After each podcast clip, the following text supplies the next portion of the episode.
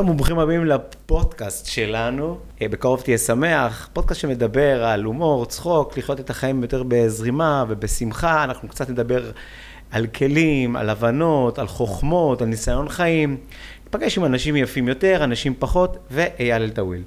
כן, אז אה, פלטתי. אני והאנשים היפים הפחות או היותר? אתה נראה טוב, אתה יפה, אתה לבוש טוב, אתה מתלבש בסטייל עם בוב ספוג על הצוואר. כן. אייל אלטויל, מי שלא מכיר אותו, אה, הוא קודם כל הוא באמת חבר מאוד מאוד קרוב, וסטנדאפיסט הרבה מאוד שנים, שחקן, יוצר, כותב, ולמעשה, בלי שהוא שם לב, הוא בשנים האחרונות הפך להיות שליח. שליח של משהו שהוא גדול ממנו, הוא לא התכוון.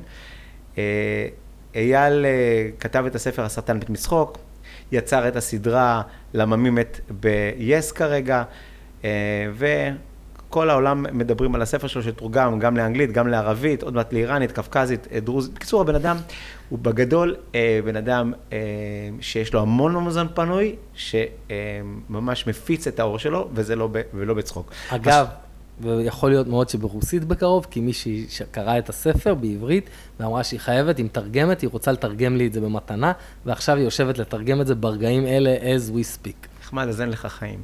לא.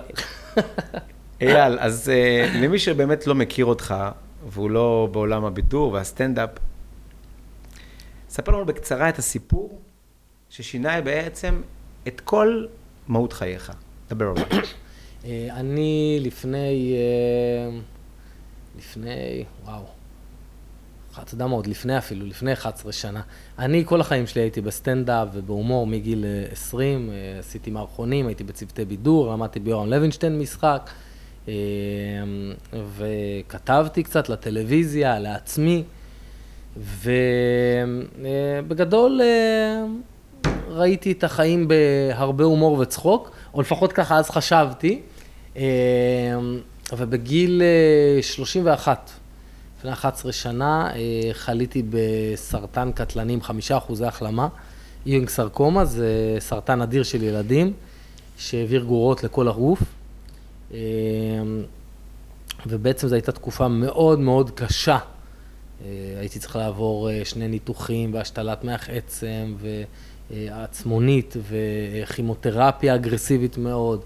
הקרנות, אה, והתקופה ההתחלתית הייתה מאוד מאוד מאוד מאוד קשה, אה, כאשר באיזשהו שלב הבנתי שאם אני לא עושה איזשהו שינוי מחשבתי, ואני אמשיך להסתכל על זה כמשהו קשה ומשהו מתסכל, אני, יש סיכוי גדול מאוד שהסרטן הזה הורג אותי, וגם אם הוא לא הורג אותי, אני עובר תקופה מאוד מאוד קשה. ואז קיבלתי שתי החלטות בעצם, לצלם את כל התקופה הזאת במצלמת וידאו. Mm-hmm. אה, זה עצה, אגב, שקיבלתי מצופית גרנט, שהיא חברה מאוד טובה, וכשצופית מציעה דבר כזה, אתה לא, מציעה דבר כזה, אתה לא אומר לה לא, למה היא מכפופה, אתה לא עושה מה שהיא לא אומרת. אה, זה היה אחד הדברים הכי טובים שעשיתי, כי באמת זה אה, אפשר לי לבטא מול המצלמה רגשות ופחדים, שמול אנשים לא היה לי אומץ לעשות, כי תמיד רציתי להיות מושלם, ולא חלילה פגיע, וגם אפשר לי לעשות הרבה צחוקים מול המצלמה. ו... והדבר השני שעשיתי זה היה באמת לנסות לצחוק כמה שיותר על סיטואציות שקרו לי, אה, גם לעשות סטנדאפ, גם בכלל לעשות צחוק לצד הקשיים. זה לא אומר לא להכיל את הקשיים והכאב, אבל לצד זה למצוא את הסיטואציות המצחיקות, להסתכל על הכל מהצד ולראות מה מצחיק כדי לעבור את התקופה הזאת. ב... תן לי דוגמה למשל, שלא נדבר באוויר. סיטואציה שהייתה לך בתקופת אה, הטיפולים, שבן אדם נורמלי עכשיו היה נכנס לטירוף, לפחד, ללחץ, לגשדורים, ואתה עשית איזה שיפט. מה? אז אני אגיד לך, אה, למשל, אה, יש את ה... בוא אני אספר לך סיפור. עשיתי צחוק עם חברים בחדר, כי ככה אני הייתי רגיל, צחוק עם שטויות, כיף, עשינו זה באשפוז, ואז פתאום דחף את הראש לו לחדר איזה מישהו, בן איזה חמישים, בחיים לא פגשתי אותו, הסתכל עליי בשיא הרצינות ואמר לי, תאמין לי, אני מעריץ אותך איך שאתה מתמודד. במקומך כבר מזמן הייתי מתאבד. ויצא מהחדר. אני חושבת שאתה אומר, בסיטואציה רגילה, אתה יכול להיכנס לדיכאון מדבר כזה. אתה יכול להגיד, בואנה, מה זה, אולי אני באמת לא אמור להתנהג ככה, אולי אני לא אמור לצחוק, אולי, אה, אולי הוא צודק, ובאמת יש לי יותר מדי מה לדאוג. ובמקום זה אמרתי לו, קראתי לו חזרה, ואמרתי לו, תגיד, יש מצב שאתה עוזר לי לפתוח את החלון, שאני אוכל לקפוץ? והוא פתאום ישר קלט מה שהוא אמר, הוא נקרע מצחוק, אני נקרעתי מצחוק, וזה שבר את כל המתח בתוך הדבר הזה. סתם דוגמה אחת, יש הרבה דוגמאות, נוכל לדבר עליהן פה בהמשך בכיף. אה, אני זוכר שהייתי, אה, שבאתי לבקר אותך בבית חולים, ו... ואתה אמרת, אני לוקח הכל עכשיו בהומור, בצחוק, עושה על זה סטנדאפ, יש את המצלמה שמצלמת וצילמה אותנו. ואני חייב להגיד שלי מהצד, ובטח להרבה אחרים, אמרו, טוב, בטח אה, זה חלק מהתופעות אה, לוואי של המחלה, הוא חי בסרט, הוא חושב שזה יעזור לו. ובסוף אתה ניצחת את כולנו וגם את המחלה. מה, מה, מה אתה למדת מהתהליך הזה על צחוק או על שמחה שלא ידעת, ויכול גם לעזור לנו, האנשים שיעני בריאים? אני אגיד לך, אני אגיד לך בהכי בפשטות. הצחוק אמיתי ועמוק לא יכול לבוא בלי שאתה עובר דרך הכאב בכל מובן המילה. ואני חושב שזה ההבדל, ואמרתי את זה גם פה בהתחלה כשהקלטנו, אה, שאז חשבתי שאני בהומור ובצחוק וצוחק על החיים. אבל אז, לפני שחליתי, השתמשתי בהומור וצחוק, אבל כמנגנון בריחה. כסוג של מנגנון בריחה, לא באמת הסכמתי להכיל כאב ועצב. Mm. הייתי, ב... אתה הכרת אותי, הייתי בן אדם שבקושי היה אפשר לדבר איתו, היית מדבר איתי על משהו עמוק ו... ונגיד אה, קשה, ישר הייתי עושה צחוקים ושטויות, לא באמת מוכן לקבל את הדבר הזה, כי לא הייתי מסוגל להכיל את זה. אגב, אחד הדברים שאני מאמין שהביא לי את הסרטן. כי אגרתי דברים בבטן, כי לא הסכמתי להכיל, להכיל כאב, כי לא הסכמתי להתמודד. ברחת לצחוק, אבל ברמה של לא מכיל, אלא בריחה. בדיוק. וזה ההבדל בעצם. בדיוק. תראה, תמיד הומור הוא סוג של בריחה, וזה בסדר. השאלה אם אתה, אה, אה, גם ההתמודדות היא סוג של בריחה, והכל בסדר. השאלה רק אם אתה מסכים לעבור דרך הכאב. אם, אם אתה מסכים, אם אתה מכיל את הכאב, ואז מתמודד בזה עם הומור. לעומת? לעומת אתה לא מסכים לקבל את הכאב, אתה, אתה ישר רץ להומור, אתה בכלל לא, לא, לא, לא, לא מוכן שנייה להיות במקום הפגיע הזה, במקום הכואב הזה, במקום העצוב הזה, במקום המתמודד. אז איזה אייל היית לפני המחלה? אה, אני חושב שהייתי בן אדם שכן מנסה להפיץ הומור וצחוק, אבל משתמש בהומור ובצחוק כדי לברוח מהקשיים. במקום כדי להתמודד איתם בדרך יותר... במה, במה זה יתבטא? בכל כל דבר אפשרי כמעט. אה, לצורך העניין, אם עכשיו, לא יודע, מישהו מת במשפחה. כן. לא היית רואה אותי בוכה. אני עד אותה תקופה בחיים שלי, שתבין, בכיתי פעמיים, הייתי בן 31, פעמיים כל החיים, אני זוכר את הפעמיים. פעמיים כל החיים, זה הזיה. והיו לי ארבעה זיכרונות מכל הילדות. הייתה לי ילדות מאוד מודחקת. מכל מיני סיבות, אפשר לדבר עליהן בהמשך. לא סתם קיבלתי סרטן ילדים גם. אה, איך שאני רואה את זה. ו... אבל, אבל אתה יודע, זה, זה, זה לא רק בזה, זה בכל דבר. אם הייתי יורד על עצמי ולא מסכים לקבל בעצמי דברים שהם פחות טובים כביכול, כ... ולהתמודד איתם ולתקן אותם, אפילו אם היו יורדים עליי, אז כן, הייתי זורם עם הצחוק. ולא רגע, אתה יודע, עוצר שנייה, אומר, בואנה, זה עכשיו נגדי הדבר הזה. זה פוגע בי, זה מוריד אותי.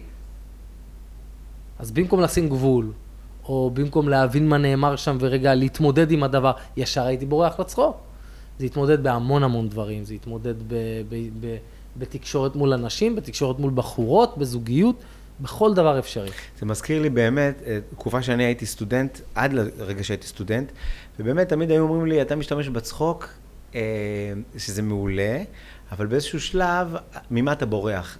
חבר אחד מאילת אומר לי, אתה בא, מצחיק כבר את הבחורות, הן כבר שלך, ואתה לא יודע לשים את הגבול, ואתה ממשיך להצחיק אותן, שהן כבר הולכות לך ליצן. חד משמעית. ככה היה גם בניסן נתיב, שנה ראשונה, פיפי, הייתי עושה בכיתה לחבר'ה פיפי, ניסן היה קם ועוזב, עזב פעם אחת את, ה, את הכיתה, וזה שבר לי את הלב. ואז בשנה ב', התחילו החרדות הקשות, ובדיעבד, להבדיל מסרטן, אבל בסוף זו אותה שפה. משבר. הבנתי שברחתי, ברחתי אה, ולא התמודדתי. ואז שהגיעה החרדה, הדבר היחידי שהצליח להוציא אותי, חוץ מהרבה כלים בדרך, זה בעניין, באמת העניין הזה של להחזיר את העניין של הצחוק. מה ההבדל היה? שפעם הייתי צוחק על עצמי או על אחרים בשביל לעשות איזשהו שואו, להראות שאני טוב במשהו. בהמשך, השתמשתי בצחוק כדי לשחרר את עצמי מעצמי, מהמחשבות. קודם כל איחלתי, הבנתי מה קורה לי, עלה לי הכאב, עלתה לי החרדה, ועכשיו אמרתי, יש לי שתי אפשרויות, או להמשיך לבכות ולברוח, להתגונן מול הפחד, הכאב, וואטאבר, או להשתמש בכלי של הצחוק. אז אתה חידדת לי את זה עכשיו. זה, זה, זה, אני ממש מרגיש שזה מדויק וזה אותו דבר, ו, וכמו שאתה אומר, ה, הסרטן הוא, הוא, הוא, אתה יודע, הוא רק שם קוד. זאת אומרת, זה מת... הפודקאסט מתאים לא רק למי שמתמודד עם, עם סרטן כמובן. ממש לא, הסרטן בכלל, גם ההופעה שלי אגב, וגם בכלל ההתנה... ההתנהלות שלי בזמן הסרטן וההתייחסות שלי לסרטן, היא כעוד משהו שבא לך בחיים. וזה גם אגב ההבדל עבורי בין בן אדם חולה נגיד לבן אדם עם מחלה. שהרבה אנשים אומרים הוא חולה, הוא חולה. לא, הוא לא חולה. הוא מתמודד כרגע עם מחלה, זה עוד משהו שבא לו בחיים. כמו שאתה לא תגיד למישהו הוא עני כשאין לו כסף. לא, אין לו כסף כרגע. יהיה לו עוד מעט כסף. וההגדרות האלה שאנחנו תוקעים לעצמנו בחיים, גם תוקעים לנו את החיים. אז, אז אני אומר, הסרטן הוא, הוא עוד משהו שקרה. כמה זמן אתה כבר בהחלמה? עשר שנים כמעט. עשר שנים. עשר שנים. מה נשאר משם? מה נשאר מהתקופה הזאת, שבעצם עברת איזשהו תהליך, אולי הכי משמעותי בחיים שלך? מה נשאר ואתה לוקח אותו היום, וזה כמו נר לרגליך. דבר אחד כאילו שהוא? אתה יכול כמה דברים, אבל דברים משמעותיים. אני אגיד לך אחד, ואני אגיד לך למה הוא מזקק את זה. האחד הוא באמת לא לקחת את החיים כמובן מאליו, הכל עוד דקה יכול להיגמר. אתה מצליח באמת להחזיק את המשפט הזה? כל הזמן. כל הזמן, לא כקלישה. תראה, זה, גם כשאני אומר כל הזמן, זה לא שאין לפעמים נפילות ואין לפעמים מצבי רוח, ברור שיש, אנחנו בני אדם, אתה יודע, ויש פחדים ויש דברים, ברור, אבל הנפילות הן כבר כל כך קטנות, ואם פעם הייתי נכנס לדיכאון ממשהו והייתי יכול למשוך אותו חודשיים, שלושה, היום אני תוך כמה דקות כבר מבין מה קורה לי, כבר יודע לפרש את עצמי, mm. להבין מה קורה, ולהמשיך הלאה. גם, רגע, גם תוך כדי שאני חי עם זה, אני יכול להגיד, לצורך העניין, המשבר הכי קשה שקרה לי בחיים לפני כמה חודשים, אבא שלי נפטר. תקופה הכי קשה, באמת, יותר קשה מהסרטן, זה אבא שלך, כאילו, זה... ותוך כדי, הסכמתי להכיל את הכאב, הסכמתי לקבל, כל בוקר קמתי, אמרתי תודה לאלוהים שאני איתו ויש לי את הזמן הזה איתו. אפילו שהוא עומד למות וידעתי, תודה לאל שהוא לא יסבול. כל הזמן באמת חייתי את ההודיה הזאת של יש לי את הזמן איתו עוד להיפרד, שאיזה יופי שהוא לא סובל. עשינו, פתחנו קבוצה ועשינו צחוקים, כשהוא נפטר כתבנו עליו ספר. זה לא אומר שלא בכיתי, זה לא אומר שלא היה לי קשה, אבל, אבל הייתי כל הזמן בהודיה, ועל זה אני מדבר, להעריך כל הזמן ולהיות בהודיה. זה לא מובן מאליו. אתה יודע, אני לא אשכח שבהלוויה, איזה, סיפרתי על אבא שלי וזה וזה וזה וסיפרתי, ואז איזה מישהו אומר לי כזה, איזה מזל שאתה, ככה יש לך כאלה חוויות מאבא שלך? אני חושב שכשאבא שלי ימות זה בכלל לא יזיז לי. ואתה יודע, פתאום נפל לי האסימון, התחלנו לדבר, אני לא אכנס לדברים שהוא אמר על מה קורה בינו לבין אבא שלו במערכת היחסים, אבל אמרתי, בואנה, זה באמת לא מובן מאליו שהיה לי כזה אבא בחיים. אז אני מנסה להסתכל על כל דבר. ככה בחיים, אה, לצד העצב, לראות את כל, ה, אה, את כל השמחה, את כל הטוב שיש, ובאמת להעריך כל רגע, לחיות כל יום, כאילו זה היום האחרון, ו... אבל זה מה, וזה, אני חייב להבין, זה ברמה השכלית שאתה אומר, מה שקורה לי עכשיו, זה קטן לעומת המחלה או לעומת אה, אה, המוות של אבא שלי, אז אני, יותר קל לי לקבל את זה. או שתכלס אתה עושה איזשהו משהו, איזושהי פעולה, איזשהו תרגול, איזשהו דבר שהופך את זה מ... אה, תהנה מהחיים שלך, כל, כל רגע הוא חשוב.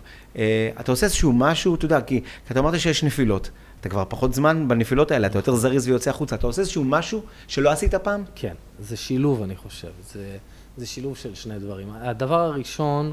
הוא, קודם כל, אני באמת מאמין בתרגול אגב. ככל שאתה תתרגל mm-hmm. ותגיד לעצמך באמת שהכל טוב ותלמד להסתכל על הדברים באמת מהצד, על הקשיים, להבין מי אתה בתוכם, לעשות עבודה על עצמך.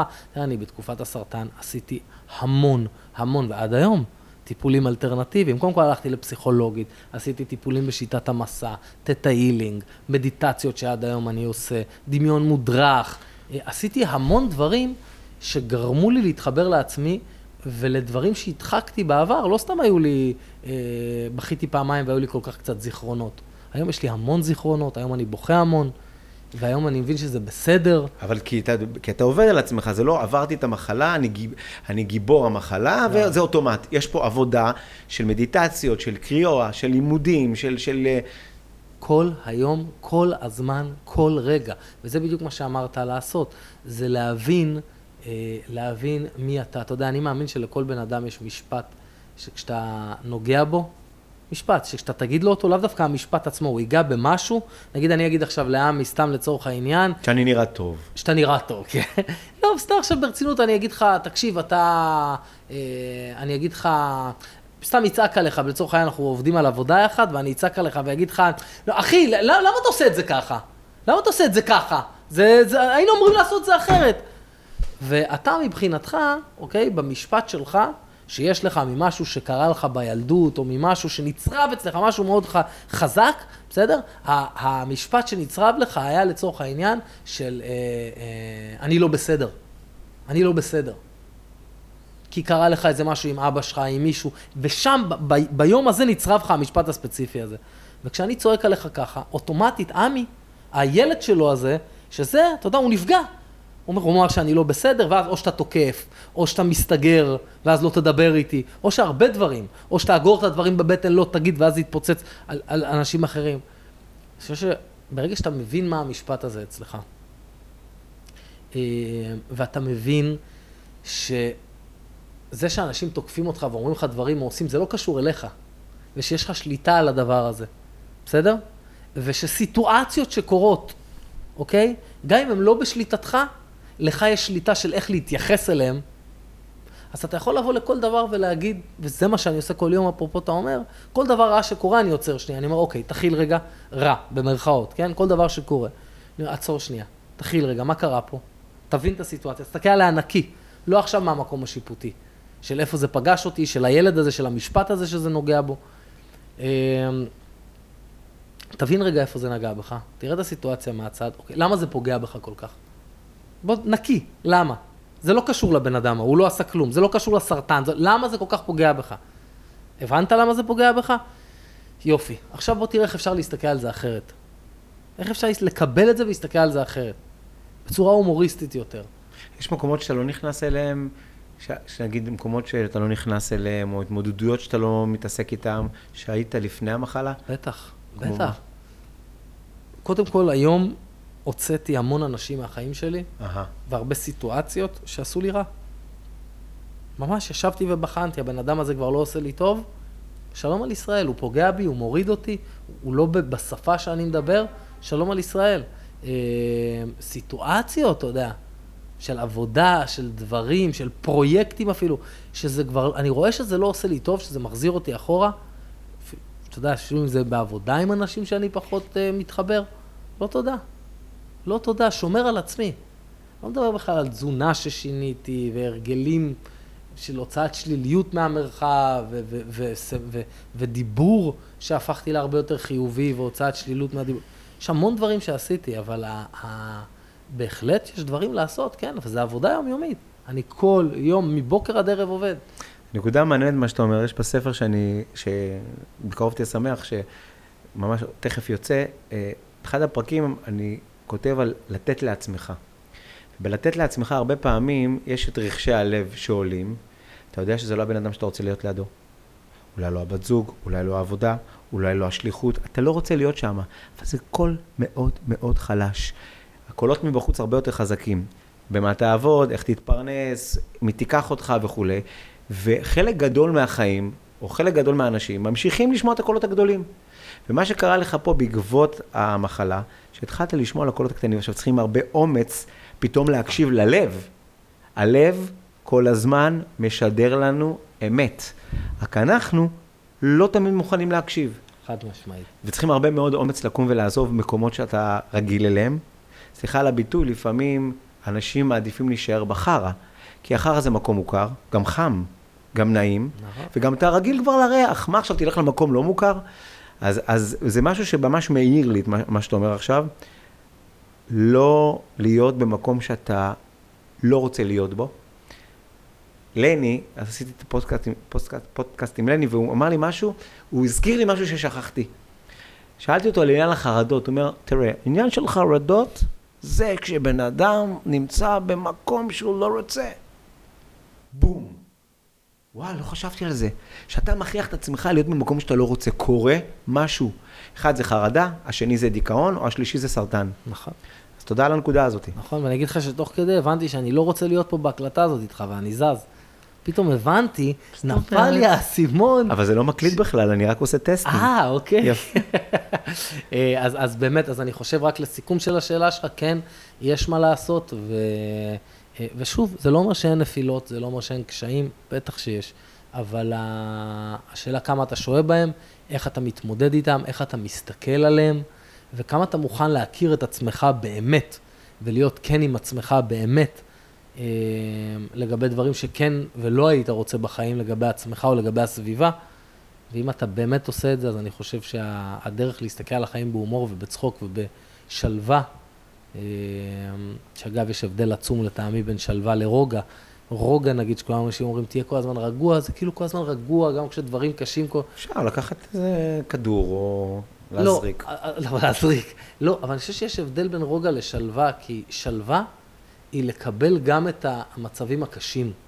וכשאתה מקבל את המצבים הקשים, גם אם עצוב לך, אתה לפחות שלב ויודע שזה חלק מהחיים, זה יעבור. זה יעבור. רוגע, אתה לא יכול להיות תמיד ברוגע, זה לא, אין, אין, אין לזה, אין, אין היגיון. זה לא יכול להיות. תגיד, אייל, מה אנחנו לא יודעים על אנשים שהיו כפסע בין חיים למוות? מה, מה יש שם? מה אתה יכול לגלות לנו ברגעים האלה, שאתה יודע, כולנו הרי פה זמניים, כן? אבל יש אנשים שעומדים בניסיון, אגב, זה יכול להיות סרטן, זה יכול להיות דברים אחרים, זה יכול להיות אה, רשימה של דברים בקיצור. מה, מה, מה יש שם שאנחנו, שלא נעמוד בניסיונות ובזיונות, אבל לא יודעים? אני אגיד לך, אני חושב שכולנו, כולנו, בלי יוצא מן הכלל, אה, יש בנו בראש כל הזמן את הדבר הזה שאנחנו זמניים, כמו שאמרת. והעולם בנוי בכלל על זה שכל הזמן נהיה בפעולה ובתנועה כדי לא לחשוב על הדבר הזה, כי אם אתה תחשוב על זה, אתה תתחרפן. אנחנו באיזשהו מקום כולנו מדחיקי מוות. ומה שהסרטן או פסע ממוות עושה לך, הוא גורם לך להסתכל על המוות בעיניים וללכת איתו יד ביד, כי אתה לא יכול להתחמק יותר. הוא שם כל הזמן. זהו, הוא איתך כל הזמן. אתה עכשיו יכול להדחיק את המוות, כי הוא לא לידך, אבל כשאתה בא וחולה סרטן, ואומר לך יש לך חמישה אחוזי החלמה, ואתה מקבל כימותרפיה, ואתה כל היום בטיפולים, או כל סוג של מחלה, או כל סוג של דבר, אין יותר להתחמק מהמוות. ופתאום אתה איתו, זהו, זה יד ביד. עכשיו, כשאתה מסתכל למוות בעיניים, פתאום התמונה נהיית נקייה. אתה אומר, פה, פה, פה, פה, רגע, רגע, רגע, רגע, רגע, רגע. זה לא כזה מובן מאליו שאני פה בחיים האלו. זה אשכרה יכול להיגמר מחר, או עוד דקה. אתה כמה פעמים בסרטן הייתי בין, בין חיים למוות? ואז אתה אומר, רגע, עצור, עצור, עצור. מה הכי נכון לי? מה הכי מדויק לי? מה, מה אני באמת רוצה בחיים? אתה יודע, אנחנו תמיד באיזשהו זה של יהיה בסדר, אני בעבודה שאני לא אוהב, עוד עשר שנים אני אחליף. יהיה בסדר, כשאני אתגרש מבעלי, כשאני אחליף עבודה, כשאני אהיה, מי אומר לך שיהיה קשה? יכול להיות שמחר אין כלום. תגיד לי, אז, אז, מה, אז מה בעצם עשה לך הכלי של ההשתתות והצחוק בדיאלוג בינך לבין המוות? ברגעים האלה שאתה לא יודע אם אתה תעבור את הבדיקה או אתה תעבור את הטיפול. כמה הוא עזר לך? מה היה שם בדיאלוג הזה? הוא הפך את המוות לחבר. הוא הפך את המוות לחבר. הוא, הוא הפך את המוות, אתה יודע מה? הוא אפילו לא הפך את המוות לחבר, הוא הפך את המוות לחיים. על מי עבדת? על עצמך או על המוות? או על המחלה? לא, אז זה העניין שאני לא חושב... שוב, תראה, זה גם, צריך לחלק את זה ולזה, תראה, גם בתקופת הסרטן, כשאני אומר שלפני זה הייתי אה, מדחיק את הזה, ופה באמת הסכמתי להכיל כאב ו- ועצב, אבל גם באיזשהו מקום צריך לזכור שהייתי באיזושהי ריצה מטורפת בדרך להחלמה, אז הרבה פעמים גם לא יכולתי להכיל את הכאב והעצב בסיטואציות מסוימות, וכן נתתי לצחוק מקום, לא יודע אם מוגזם, אבל מקום אה, נרחב. על חשבון כאב ועצב. אני חושב שאת המכה קיבלתי ואת התובנה האמיתית קיבלתי כשהחלמתי. כשהחלמתי. ואז פתאום אתה חוזר להיות לבד, עם כל התובנות, ועם כל ההשלכות על הגוף והכאבים, ועל הנפש, וכל הסתירות. ואז פתאום הייתי באיזה חצי שנה קשה מאוד, מאוד מאוד קשה, שפתאום צף כל הכאב. ולא יכולתי אפילו להסתכל על זה בהומור. וכשממש הסכמתי את זה להכיל, התחלתי באמת להסתכל על הדברים בעוד קצת הומור, ואז כל המופע של הסרטן מת מצחוק גם נבנה, וזה עבר לי להשתחרר, למרות שגם תוך כדי הסרטן אה, כתבתי פאנצ'ים והכל, אבל שוב, היה שם עדיין מימד הישרדותי. היה שם עדיין מימד הישרדותי.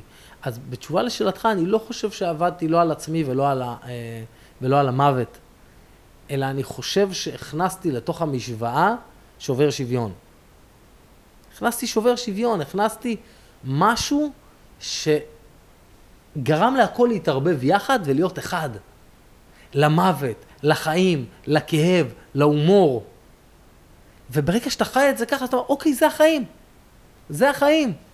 זה בסדר לצחוק גם על הקשה, זה בסדר לבכות מהקשה, זה בסדר לפעמים לברוח, זה בסדר להתמודד עם הכאב. אבל להיות מודע. להיות מודע כל הזמן, זה העניין. תראה, אה, אה, אתה עברת מה שאתה עברת, אפשר לקרוא, אנשים יכולים לקרוא מחקרים, ולקרוא ספרים, ולראות תוכנות טלוויזיה. אתה עברת את הדבר הזה על הגוף, ויאמר לזכותך שאתה יודע, כל אחד והניסיון שלו, יכולת לקבל, לקפל את הבסטה, החלמת, צא לחיים שלך. אתה בהחלט לקחת את הדבר הזה והפכת את זה לשליחות, לא פחות. אה, גם עם הספרים שלך, וגם עם, ה, עם השיחות, וגם עם ההרצאות, וגם ממש, ולא רק לישראל, כמו שאמרתי קודם, לכל העולם, ואתה כבר הרבה יותר מאייל אלטאול שמתלבש עם אה, שרשרת של בובספוג. אתה, כמו שאמרתי, אתה בשליחות. מה הדבר הכי חשוב לך, אם היית יכול במשפט, כן? להעביר לאחרים. זאת אומרת, אייל אלטאוויל הגיע לעולם, עבר מה שהוא עבר, בשביל להגיד לכל מי שנמצא פה, שמה, אל תגיד לי ללכת החיים, אמרת את זה, שמה? אל תחכו למחר, ותחיו כל יום עם הרבה הומור וצחוק לצד הכאב. אבל ממש אל תחכו למחר, כאילו, אין, אין מחר. Mm. אין מחר, וחבקו את הכאב, תאהבו אותו ו... ותצחקו כמה שיותר. ואם אין לי את זה, אם אין לי את היכולת לצחוק, אתה יודע, גדלתי בבית כזה, הפה שלי, הרבה פעמים אני אומר בהופעות, הפה שלי, פונה למישהי אחרי הופעה, אומרת לי, תשמע, הפה שלי, זה רק לאכול ולדבר, אין לי את הרפלקס לחייך, אין לי. מה עושים? שמעתי פעם משהו יפה בתורה, שאומרים, ואני לא בן אדם דתי, אבל אני, אני מקווה שאני אגיד את המשפט נכון, אבל אם אתה מאמין שאפשר לקלקל, תאמין שאפשר לתקן. רבי נחמן. יפה. אז אתה רואה, הנה, אז אני אגיד לך משהו, אני אשאל אותך שאלה. כשאתה נולדת כתינוק, כתינוק, צחקת? כשהצחיקו אותך, צחקת על דברים? כן. עצור, כתינוק, נכון? ברור. כשהמשכת להיות עוד ילד קטן אחרי תינוק, שנה, שנתיים, צחקת על דברים? ודאי. מתישהו זה נהרס, נכון? אה, משהו מצחיק אותך? קום צא החוצה. לא, בוא ספר לכולנו, שכולנו נצחק. אבל אתה יודע מה, אתה צוחק על זה עכשיו, אז זה בדיוק העניין. מה שעשית עכשיו, זה בדיוק העניין. באיזשהו שלב, כל מיני אה, אנשים בחיים, סיטואציות, אם זה מורים, אם זה הורים, אם זה זה, התחילו להשבית לך את כל עניין ההומור והצחוק. ופתאום צעקו עליך, מה אתה צוחק על משהו שהיה? או בדיוק כמו המורה הזאת, שמשהו מצחיק, תקעו. ובאיזשהו שלב, האישור הזה שקיבלת כתינוק, מהסביבה הלך ונפגם.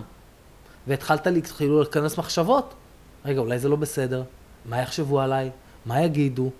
אז באותו נשימה, או באותה נשימה, סליחה, של רבי נחמן עם המשפט של אם אתה מאמין שאפשר לקלקל, תאמין שאפשר לתקן, אני אומר את זה. הומור וצחוק הוא דבר נרכש, והוא דבר של תרגול, mm. והוא דבר של הסתכלות. אמת, לאחד יהיה קשה יותר, לאחד יהיה קשה פחות, נכון. אבל אפשרי, חד משמעית. אני ולני ואלון רונן, שהוא פסיכולוג, כותבים במשך שלוש שנים ספר שאמור לצאת בקרוב, שנקרא אפשר ללמוד לצחוק, שממש מעביר טכניקה של חמישה שלבים. מעבר לטכניקות צחוק ודברים כאלו, חמישה שלבים של לזהות המשפט שלך שדיברתי עליו קודם ולהבין שזה לא קשור אליך ואז להבין שזה כן קשור אליך גם ולהבין ש, אה, אתה אה, מכיל את כל הכאב ואז ממש איך אתה מסתכל מהצד, לוקח צעד אחורה והופך את הכל להומור וצחוק. אה, אז כאחד שכתב את זה איתם, אני מאמין מאוד שכל אחד יכול ללמוד לצחוק, כל אחד יכול להשתמש בהומור וצחוק. אתה לא צריך להיות סטנדאפיסט בשביל זה, אבל אתה חייב מודעות, אתה חייב לעשות עבודה עצמית על עצמך שמתחילה הרבה לפני ההומור והצחוק, של עבודה רוחנית, ואם אנשים לא אוהבים את המילה רוחנית, אז שזה, שיקראו לזה באיזה שם שהם רוצים, אבל עבודה עצמית קשה, של להבין מאיפה מגורים, מגיעים אצלך המקורות של הכעס, להבין מי אתה לעומק, להבין מה נכון לך בחיים ומה לא נכון לך, את מי אתה מוציא ואת מי אתה לא מוציא, מה השפה שאתה משתמש בה. ו, וברגע שתעשה את כל זה, אז החיים הם כבר לא כאלה דרמטיים. כי, כי אתה מבין שכאילו, זה, זה הרבה לא שלך בכלל היה. זה מעטפת על מעטפת על מעטפת. תזיז את זה הצידה, תזיז את זה הצידה, והכל נהיה יותר קל, וקל יותר לצחוק על הדברים. נכון, זה, זה לא שאם עכשיו לצורך העניין אני לא רב לפעמים עם אשתי, או אני לא יכול להתעצבן על מישהו, אבל זה קורה הרבה פחות. וגם כשזה קורה, אני כבר יודע להסתכל מהצד שנייה אחרי, או אפילו לפעמים כבר תוך כדי, ולהגיד, אה, זה בגלל א', ב', ג', יאללה, בוא נצחק על זה עכשיו עם אשתי, בוא נצחק על זה עם הבן אדם הזה. בוא כבר בכלל, עוד לא נגיע לסיטואציה הזאת כשאני כבר מזהה את זה לפני, ונשבור את זה בהומור וצחוק. כי אני מבין שזה לא קשור אליי. אני לוקח את מה שאתה אומר, אני מנסה כאילו, אה, אה, אפילו ללכת אחורה, ששאלת אותי כשהייתי תינוק. ובאמת, אה, אתה יודע, אני יודע, מחקרים מראים שתינוקות צוחקים בערך 300 פעם ביום, ומבוגר צוחק כ-17 פעם ביום, כי עם הזמן המערכת התחילה להשבית את עצמה. והעניין של הצחוק הוא באמת גם מנקה רעלים ומוציא גם מבחינה רגשית וכולי. ו... חומרים שהמוח משחרר. וכאילו, אתה בעצם אומר שאנחנו צריכים לעשות היום איזושהי פעולה אפילו מאולצת, או ללמוד טכניקה, כדי להחזיר לעצמנו את הצחוק שעבד. וזה מעניין, כי גם לאלה שכאילו אין להם את זה, וגם הפילוסופים, או המתוחכמים, או החכמים, שזה נראה להם לפעמים קצת הזוי, ונראה קצת אה, ליצני לצחוק, סטיב ג'ובס אמר, שתשמרו על שני דברים בחיים, להיות רעבים. ושארו שטותניקים. תישארו שטותניקים. stay foolish. הוא אמר את זה ב, אה, במונולוג האחרון שלו, שהוא עשה מול אה, זה, מדהים, אה, מול סטודנטים, אני חושב בסטנפורד university. כן, יש, יש, יש במשפט הזה משהו מאוד גדול, כי מצד אחד להיות, להישאר מטופשים גם מול, אם אתה רוצה להמציא אפליקציה או איזו המצאה גדולה, אתה חייב להיות מטופש ולשבור את המעגל, וגם מול עצמך. וגם מול המציאות, וגם מול אשתך, וגם מול הילדים. אתה יכול ללכת לרצינות של ה-17 פעמים ביום, או ללכת ולשחזר את ה-200-300 פעמים ביום ולצחוק על כל דבר. המציאות היא אותה מציאות, ורק איך אתה תסתכל עליה. המציאות היא אותה מציאות. תסתכל עליה בדיכאון, תסתכל עליה בדיכאון, היום שלך יראה ככה. תסתכל עליה בהומור, היא תהיה יותר מצחיקה. תן דוגמה, עכשיו אתה רב עם אה, אשתך אורית שתתבדל לחיים ארוכים, יש לך כעס, יש לך עצבים. כן. מה, היה לו עושה באותו רגע? מה? תראה, זה, זה מאוד משתנה, אתה יודע, זה יכול להיות כל מיני דברים. זה יכול להיות שלצורך העניין, אה, אה, אתה יודע, אורית, אורית תגיד לי איזה משהו, אוקיי? שיושב לי על משפט של לצורך העניין, אה, אה, זה לא קשור אליה, אבל אני יותר טובה ממך. זוכר שדיברנו על המשפט?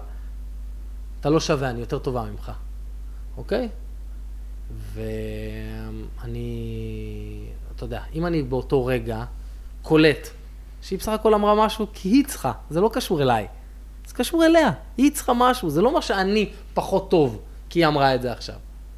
אז אני אבוא ויגיב על איך שהיא הגיבה, או אפילו בחיבוק, יגיד לה אין בעיה, מה את צריכה ויחבק אותה, או יגיב על זה באיזה חצי הומור, אם אני אראה שאני לא מסוגל כרגע לחבק או לעשות, בחצי הומור על, על המקום שלי, מהמקום הפגיע שלי. אה, אבל לצורך העניין, אם אני לא מודע למשפט שלי, אם אני לא מודע ל, ל, לזה שהרבה פעמים הצד השני שהוא מדבר, מה שהוא מבקש או מה שהוא אומר, זה קשור אליו. אם זה בטונציה מסוימת או משהו שהוא אומר, אם אני לא מודע לזה, אז אני אהיה תקיף. עכשיו, קורה לפעמים שיוצא לי פתאום תקיפות. אני בן אדם. קורה. אבל אני כבר למדתי לקלוט מהר ולבוא להתנצל גם אם צריך, ולהגיד, mm. אוקיי, סליחה, אני יודע איפה זה יושב אצלי. הספר שלך, שאתה כתבת אותו, אחר כך, יצאת אחר כך במופע איתו, אני זוכר שאמרתי, תשמע, אייל, בוא, בוא, בוא, בוא, תבדוק את עצמך, תשמע, אנשים קשה להם לשמוע את המילה סרטן, בוא, גם בפודקאסט הזה, אנחנו אומרים את המילה הזאת, יש, יש מקומות שאומרים המחלה, יש מקומות שאומרים כל מיני שמות, אתה קראת לו שמעון. שמעון, שמעון. שמעון. שאגב, בזכות אשתך שתחיה, שמעון, אני לא יודע אם אתה זוכר, אבל נכנס למופע. כי אני סיפרתי פה בבית, כשישבתי אצלכם, זה לא היה בבית הזה, אתה זוכר באיזה בית זה היה? על אדמה, לא זוכר שם, אה, ליד הבימה לדעתי, ליד, אה, כן. סיפרתי ש... שקראתי לו שמעון. סיפרתי את הסיפור, ואז אשתך אמרה, בואנה, אתה חייב להכניס את זה לאורך המופע. ושם זה נכנס, בזכותה. אז זה א', שתדע. לא, היא לא תקבל תמלוגים, אני כבר אומר לך, לפני? שבכלל תעלה לך אנחנו לא- אנחנו לא לוקחים מאנשים שהחלימו דבר. לא רוצים לך שום דבר, אדוני. בוא, מספיק, באנו אה, לבית- לבית חולים וטיפלנו, ועד היום אנחנו גוררים פה אה, אה, את- הקשר הזה כמו גרורה, עד לפה. לא, לא, כי ראיתי פרצוף של מגיע אחוזים. קלטתי, כן, משהו, אני- תזרוק, אתה יודע מה, פרחים לחג. טוב שהזכרת לי, אני- אחמם אותה על השמעון הזה.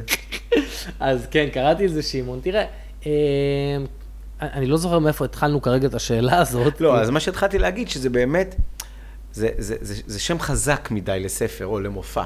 אז בכל זאת, מי האנשים שקונים את הספר, הסרטן מת מצחוק? כולם, אני רוצה להגיד לך גם משהו, ואני, אגיד לך מה זה בדיוק כולם. אה, קודם כל, חשוב לי להגיד, המופע והספר הם שני דברים שונים. הספר דווקא הגיע אחרי המופע. הספר הגיע כששנתיים אחרי שהרופא צלצל ואמר לי, 80% חזר לך הסרטן בכל הגב. וואו. ואז כתבתי על כל התקופה הזאת של החודש הזה שאני מחכה לתוצאות, שאני לא מצליח לצחוק. כי פתאום, אתה יודע, יש לי את הידיעה של מה אני הולך לעבור אם אני חוזר לטיפולים, בניגוד לפעם הראשונה. וכל פעם אני מנסה לחזור אחורה, כדי להיזכר מה הצחיק אותי אז, שהייתי, התמודדתי עם המחלה, כדי עכשיו להתמודד עם זה עוד פעם. בספר אני גם מכיר את אשתי לעתיד, לאורך כל הספר, אה, שזה גם מדהים. אה, ותראה, כולם קונים את הספר. גם אנשים שהתמודדו עם סרטן, אה, גם אנשים שמישהו במשפחה שלהם התמודד, גם מחלימים, וגם אה, אנשים מן השורה שלא אה, לא, לא התמודדו אף פעם עם המחלה. אבל התמודדו עם דברים אחרים, או, מתמודדים- או התמודדו עם דברים אחרים. בדיוק, או עם משברים, כן. אה, תראה, לצערי זאת מחלה שנמצאת היום בכל בית, אם זה בקרבה ראשונה, מעגל שני או טיפה יותר רחוק. אין היום מישהו שזה, זו מחלה של שנות האלפיים, הלוואי, אמן, שיום אחד ייפטרו ממנה לגמרי, אה, אבל כרגע זה לא המצב. ו... וגם לגבי המחלה וגם לגבי כל משבר, אני חושב שהספר הזה עוזר לאנשים. מה אני אגיד לך, אייל? אז אני רוצה רגע לסכם את מה שאנחנו הבנו ממך היום. שקודם כל, המלחמה שלך או הניצחון שלך על מחלת הסרטן או על שאר הדברים, זה הרבה בזכות ההומור, שגרם לך טיפה לצאת מהסרט שאתה חי בו, ואיך אמרת? לעשות שובר שוויון מול המוות. למדת, בניגוד לאייל טרום מחלה, שקודם כל יש להכיל את הפחד, את החוויה, את הכאב, ואז לצאת ולהשתמש בצחוק ככלי, ולא הפוך, לברוח וכל הזמן להצחיק. באמת. דיברנו על העניין של להעריך, להעריך את החיים, לראות מה יש מסביבך. זאת אומרת, להודות על מה שיש. נכון. וההודיה פותחת לנו קודם כל את המרחב של מה שקורה עכשיו, וקוטעת לנו את הקורבנות את מה, למה שאין לנו. על מה עוד דיברנו? על העניין של באמת לחיות כל רגע ולזכור שאין מחר. מבחינתך אין מחר, זה כל דבר שדוחים הוא, הוא מיותר. לעשות רק מה שטוב לנו, להוציא שליליות מהמרחב, להוציא אנשים שהם שליליים מהמרחב שלנו, לבחור את הסיטואציות, שפה, השפה שלנו, הדברים שלנו, ולהתאים אותם לציפיות שלנו ולשאיפות שלנו מהחיים. אמ, ובאמת, תודה, לצחוק כמה שיותר. אז לסיום, אם עכשיו הייתי מכניס אותך למכונת זמן, והיית פוגש את אייל לפני 15 שנה, מה היית אומר לו בארבע עיניים? אחי, תחזיר לי את ה-40 שקל שלקחת לי, כאילו, בחייאת. קמצן נשאר קמצן, לא משנה מה קורה בחיים. אז תודה רבה לאייל לא, אלטאווי. אני אענה על זה ברצינות לפני התודה רבה. לא, אנחנו סיימנו, לא, הכותרות לא, כבר לא, צולות, לא, תודה רבה. אני רואה מוזמנים. ממשיך להקליט, אני אגיד, אה, אני אגיד לך מה הייתי אומר לו, אה, תאהב את עצמך כמו שאתה, קבל את עצמך כמו מי שאתה במאה אחוז, ולך עם זה עד הסוף. לך עם זה ותצחק על הכל. ואם הוא יגיד לך, מאיפה אתה יודע? אני אגיד לו, היה לי סרטן. תודה רבה לאייל אלטאווי, לסרטן מת מצחוק. הספר. החדש שנקרא, למי קראת אבא? לספר. הילד שנולד. והספר האמצעי שנקרא, וה- והספר הבא שיהיה, אבל זה ייקח עוד איזה כמה חודשים עד שהוא יצא החוצה, אבל זה אפשר ללמוד לצחוק. עם. יני רביץ ואלון רונן. כמובן שאפשר לעקוב אחריך ולראות את ההופעות שלך, ומי שמחפש גם להיות כמוך ולהמציא הרצאה משל עצמו, גם את זה היום אתה עושה. בקיצור, נהיית בונה הרצאות וסדנאות, אם מישהו רוצה, כן, באהבה יכול לבוא. ללא עלות. נבנה לו הרצאה. עם הרבה עלות, לא סתם. אה, באמת שליחות. כן. כן. אז עד כאן אה, הפודקאסט שלנו, בקרוב תהיה שמח, אתם יכולים אה, לעקוב אחרינו דרך הפודקאסט של גוגל ודרך ספוטיפיי, דרך הפייסבוק, טוויטר, דרך יונת הדואר, ובכלל, שיהיה לכם חיים שמחים, חיים טובים, ואל תשכחו, תמיד אפשר לצחוק, לחייך, כי זה מה שיש לנו בסך הכל. בדיוק. תודה לך, אחי. תודה רבה. היה כיף. מוזיקה, תכנסי עכשיו.